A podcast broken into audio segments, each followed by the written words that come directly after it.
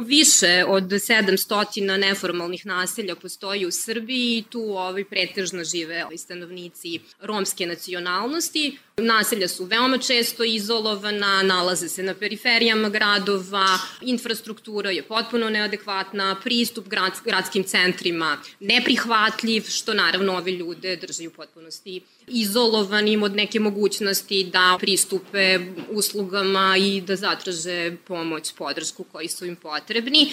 49, dakle skoro polovina domaćinstava u naseljima koristi peći na drva za grejanje svojih stanova. Sada mi svi znate da počinje ovaj grejna sezona i nažalost ono što nas ovaj čeka jesu i požari koji će se dešavati u naseljima Postoji jasna rodna dimenzija zapravo snižene bezbednosti i ovih neadekvatnih uslova života u romskim naseljima. Zašto? Zato što su žene upravo te koje su vezane za naselja, za domaćinstva, za brigu o deci, često su i onemogućene i sprečene ovaj, da, da napuštaju svoje domove bez muške pratnje i prosto one negde i jesu u najvećem riziku od svih ovih neadekvatnih uslova života.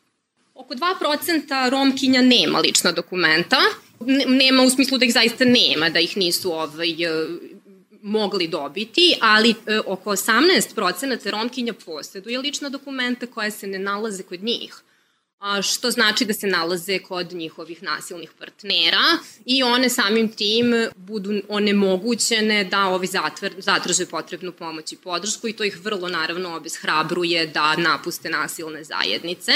Obrazovanje, eto, podaci oko 40% Romkinja, nešto manje, ima završenu osnovnu školu, 9 do 10% Romkinja ima završenu srednju školu, dečiji brak i prisilni brak zapravo predstavljaju jednu od osnovnih prepreka, odnosno razloga zbog čega e, romske devojčice ne završavaju osnovnu školu. Naši podaci pokazuju da dve trećine Romkinja koje su u dečijem braku nema završenu osnovnu školu polovina Romkinja je u vanbračnoj zajednici, to otvara neke određene probleme teškoća zapravo i dokazivanja vanbračne zajednice i zajedničke imovine u slučajevima kada Romkinje žele da napuste nasilne zajednice. Romkinje koje nemaju dovoljno mogućnosti za obrazovanje, koje su nezaposlene, jesu naravno i ekonomski zavisne od svojih partnera, usled nemogućnosti da dokažu zajedničku imovinu stečenu u vanbračnoj zajednici, one bivaju prinuđene da ostanu pored nasilnog partnera.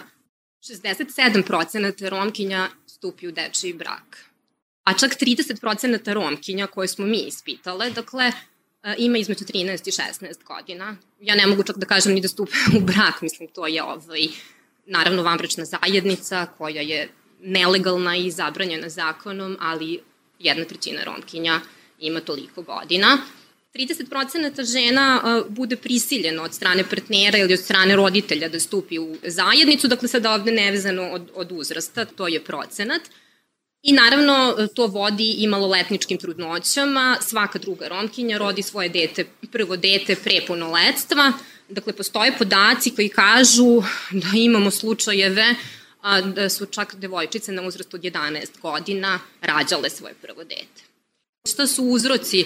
Nezahvalno je o tome pričati, naravno da su uzroci ovaj, i negde vrlo kompleksni i međusobno isprepletani, ali svakako siromaštvo koje ovaj, često negde prinudi romske porodice da ono prosto budu u situaciji makar jedna usta manje. Dakle, mnogim romskim porodicama jeste problem da hrane svoju decu i zaista se nalaze na nek, ispod egzistencijalnog minimuma.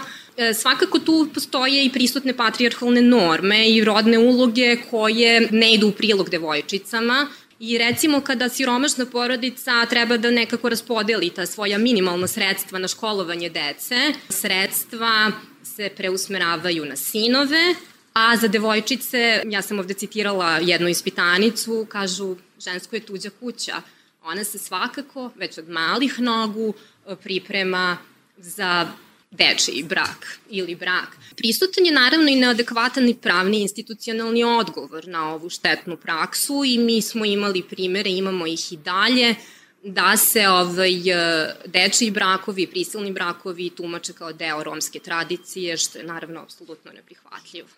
Kada je u pitanju rodno zasnovano nasilje nad romkinjama, ono što podaci pokazuju jeste da romkinje u velikom broju ne prepoznaju nasilje. Neprepoznavanje se ovde odnosi na to da žene ne znaju da određena ponašanja nasilna ponašanja nisu prihvatljiva, nisu normalna, kažnjiva su i nisu deo svakodnevnog uobičajenog života. Dakle, eto, 70% romkinja ne prepoznaje ekonomsko nasilje, 60% njih ne prepoznaje psihološko nasilje, fizičko nasilje ne prepoznaje svaka treća romkinja, a seksualno svaka druga romkinja. I često naiđemo na izjave naših korisnica koje kažu dužnost žene je da spava sa svojim mužem. Seksualno nasilje je, nažalost, veoma normalizovano i ne prepoznaje se kao takvo. 90% romkinje najmanje jednom u životu bilo izloženo nekom obliku muškog nasilja. Oko 30% e, romkinja ima doživljaj da ih zaposleni u centrima za socijalni rad i u policiji tretiraju sa uvažavanjem. Prema podacima koje dolaze od naših ispitanica, u oko 50% slučajeva Policija izađe na teren kada e, porodično nasilje bude prijavljeno u romskom naselju, e, šta se dešava sa drugih 50%.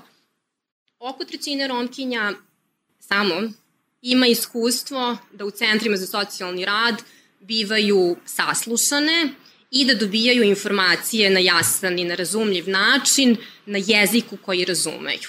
Tako da, nažalost, naši podaci su, ukazuju da u institucijama jeste prisutna prisutne su ovaj, stereotipi, prisutne su predrasude koje nužno vode diskriminaciji žena romkinja koje se obrate za podršku i pomoć i e, naravno to se ne odnosi samo na ustanove socijalne zaštite, nažalost, eto, prosto i e, u reakciji policije postoje problemi, ali isto tako i u ustanovama zdravstvene zaštite, što su negde jeli, ovaj, osnovna i prva mesta gde se žene u stanju potrebe zapravo i obrati. Ja ću pre svega govoriti o zakonu o sprečavanju nasilja u porodici, koji je počeo da se primenjuje evo već pre a, šest godina, koji je da kažem, potpuno usaglašen sa Istanbulskom konvencijom. On praktično u romskoj zajednici ostaje neprime, neprimenjiv dobrim delom. Sad pitanje je zašto? Naša istraživanja su pokazala da oko 50% romkinja živi u proširenim višegeneracijskim porodicama, gde je nasilje normalizovano. Recimo, ukoliko žena prijavi nasilnika kome bude izračena hitna mera na 48 sati, pa naknadno možda i produžena na 30 dana od strane suda, žena ostaje u okruženju nasilja sa porodicom nasilnika koja vrlo često nastavlja sekundarno da viktimizira žrtvu i žrtva ne uspeva da izađe iz tog začaranog kruga, da kažem, nasilja. Takođe, kada govorimo o ovom zakonu o sprečavanju nasilja u porodici, ta zaštita, da nazovem tako, za žrtvu traje 32 dana. 32 dana je vrlo kratak rok u kome nadležne institucije, da kažem, mogu da preduzmu neke konkretne akcije kako bi se žrtva zaštitila po isteku 32 dana kada je nasilnik potpuno slobodan. Recimo, javljale su nam se žene koje su pitale šta se dešava nakon 32 dana kada isteknu hitne mere nasilniku. Naš odgovor je bio, on ima potpuno pravo da se vrati u stan u kome ste živeli bez bilo kakve sankcije. Žene su na to odgovarale, da li mi možemo, da li on može da dobije neku dodatnu meru? Ne, ne može. Ne može, a u roku od 32 dana porodična pravna zaštita od nasilja u porodici koja se pokreće tužbom ne može da se aktivira. Znači, niti krivično pravna zaštita. I žena ostaje u jednom začaranom krugu patnje, ponovnog nasilja iz koga ne može ovaj, da izađe. Kada govorimo o toj porodičnoj pravnoj zaštiti nasilja u porodici, U romskoj zajednici, nažalost, prema naše ispitanice su odgovarale da u veoma malom broju slučajeva podnose ove tužbe. Žene najčešće nemaju taj kapacitet da iznesu parnični postupak koji se može protegnuti na par meseci, pa čak imali smo ove situacije na par godina, žena koja je već dovoljno oslabljena, koja je u nasilju, nema kapacitet, nema podršku zajednice, nema podršku primarne porodice E sad, postavlja se pitanje zašto je broj krivičnih prijava za nasilje u porodici u romskoj zajednici i dalje mali. Jedan deo, da kažem, nažalost, je e, strah od dodatne sekundarne viktimizacije, ekonomska zavisnost od nasilnika, neadekvatno reagovanje institucija, nesenzibilisanost. Razloga je mnogo, ali realnost je takva da je broj krivičnih prijava i broj evidentiranih krivičnih prijava veoma mali. Napomenula bi kada mi zatražimo od nadležnih institucija tačan broj o, broju prijava koje je upućeno od strane Romkinja, mi ne dobijamo taj odgovor. Jer, jer se institucije pozivaju na član 47 po kome niko ne mora da se ustava, po kome niko ne mora da se ovaj, izjašnjava o nacionalnoj pripadnosti, stoga mi nemamo zvaničan podatak broj prijava nasilja u porodici u Srbiji kada se govori o tome. Takođe, zašto Romkinje malo prijavljaju nasiljem? Ukoliko prijave nasilje i ukoliko su prinuđene da izađu iz tog nasilnog okruženja, specializovane usluge sigurnih kuća su im jako ograničene. Iz kog razloga? Iz razloga što prema zvaničnim podacima u Srbiji postoji samo 15 sigurnih kuća i 150 ležaja, što ne odgovara apsolutno standardima ni potrebama Republike Srbije. Prema EU standardima mi smo u manjku oko 70% u odnosu na standarde koji se propisuju u Evropskoj uniji. Takođe, Romkinje koje pokušaju da pristupe ovaj, sigurnim kućama i uđu u proceduru, u oko 30% slučajeva su one mogućene u tome, a većina od njih, da ga ne kažem 90% njih, prilikom boravka u sigurnim kućama doživljavaju različite vidove neprijatnosti i diskriminacije. Sada bih volila da kažem par reči zakonom strateškog okvira koji se tiče dečijih, ranih i prinudnih brakova, o kome su govorile ove, i koleginice. Upućivali smo zahteve za informacije od javnog značaja nadležnim javnim tužilaštvima u Republici Srbiji počeši od 2020. godine sa pitanjem o broju podnetih krivičnih prijava za navedena dela i e, iniciranih krivičnih postupaka, odnosno podignutih optužnih predloga. Sad, e, podaci do kojih smo mi došli su zaista frapantni. Recimo, u 2021. godini od 51 osnovno javno tužilaštvo od kojih smo dobili odgovor, E, podneto je samo 110 krivičnih prijava za krivično delo vanbračna zajednica sa maloletnikom na teritoriji celokupne Srbije, dok od 2019. godine ne postoji ni jedna jedina prijava za krivično delo prinudni brak u Republici Srbiji. To apsolutno ne odgovara realnosti niti stanju na terenu ove, s kojima se mi susrećemo. Izneću još jedan frapantan podatak koji se odnosi na javna tužilaštva u gradu Beogradu. Postoje tri javna tužilaštva i u 2021. godini podneto je svega 13 krivičnih prijava za krivično delo vanbračna zajednica sa maloletnim licem, licem, a nije podignut ni jedan optužni predlog.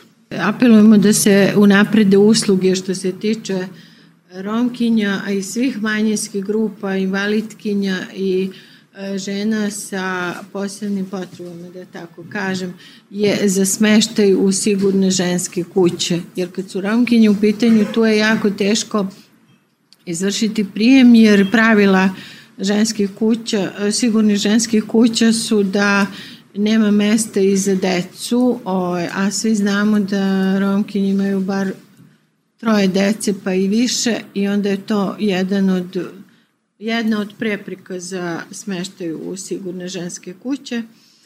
Krajnje vreme da deca koja su svedoci nasilja u porodici, najčešće svojih majki, se počnu tretirati kao žrtve nasilja i da se prema njima tako obhodi i da se na taj način i zaštite. I dodala bih samo da kreće Amber Alert eh, koji se u našoj državi naziva Pronađi me jer im to jako znači. Zašto baš nama? Zato što imamo e, podatke da dosta romskih devojčica strada u tome i da se to uopšte i ne prepoznaje i ne vidi e, posebno zato što e, devojčice i žene nemaju ni lična dokumenta i, i uopšte taj odnos prema romskoj zajednici je takav kakav jeste kao što smo nedavno imali dete koje je umrlo u kolima, devojčica, onda su videli da dete ošte nije prijavljeno, a već nije tek rođeno, nego imalo je ne znam koliko meseci i kad se to istražilo, došlo se do saznanja da ni majka nije imala lične dokumente, da samim tim ni dete nije moglo da bude upisano u knjigu rođenih i to je taj problem koji se nama stalno tako vrti i time se borimo. Ovo je meni napisao sudija jedan. Prošlog petka je bilo suđenje jednoj mladoj romkenji, ali zbog posjedovanja droge. S obzirom da ja poznajem taj deo grada, procenio sam da se radi o prostitutki. Utvrdilo se da ona jeste prostitutka, ali da drogu koristi kako bi izdržala ovaj posao. Ona hrani četvoro dece. Njena maćeha je organizator prostitutke mladih romkinja. Njoj sam sudio pre pet godina. Upravo je ona dovela na glavni pretres. Pojenta je da on osudio maćehu ponovo i ona je sklonjena, opet je poslata u zatvor. Devojka koja ima četvoro deca u tom trenutku imala 18 godina.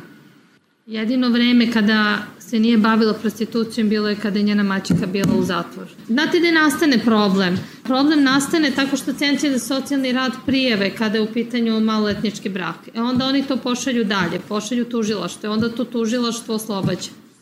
Što se tiče dece i prosjačenja, sve kreće od osnovne škole. Ja sam radila kao nastavnica jako dugo. Znači, kada se vidi da dete ne dolazi u školu određeni broj dana, a da mu roditelj ili ne javi zbog čega ne dolazi u školu, da, ili da doktor ne pošalje potvrdu zbog čega to dete ne dolazi u školu, treba da se obavesti iste sekunde PP služba. Šta to znači? PP služba mora da izađe na teren i da utvrdi zašto dete ne dolazi u školu. To dete kada ne dolazi u školu, ona je najverovatnije, da kažem, u procesu rada.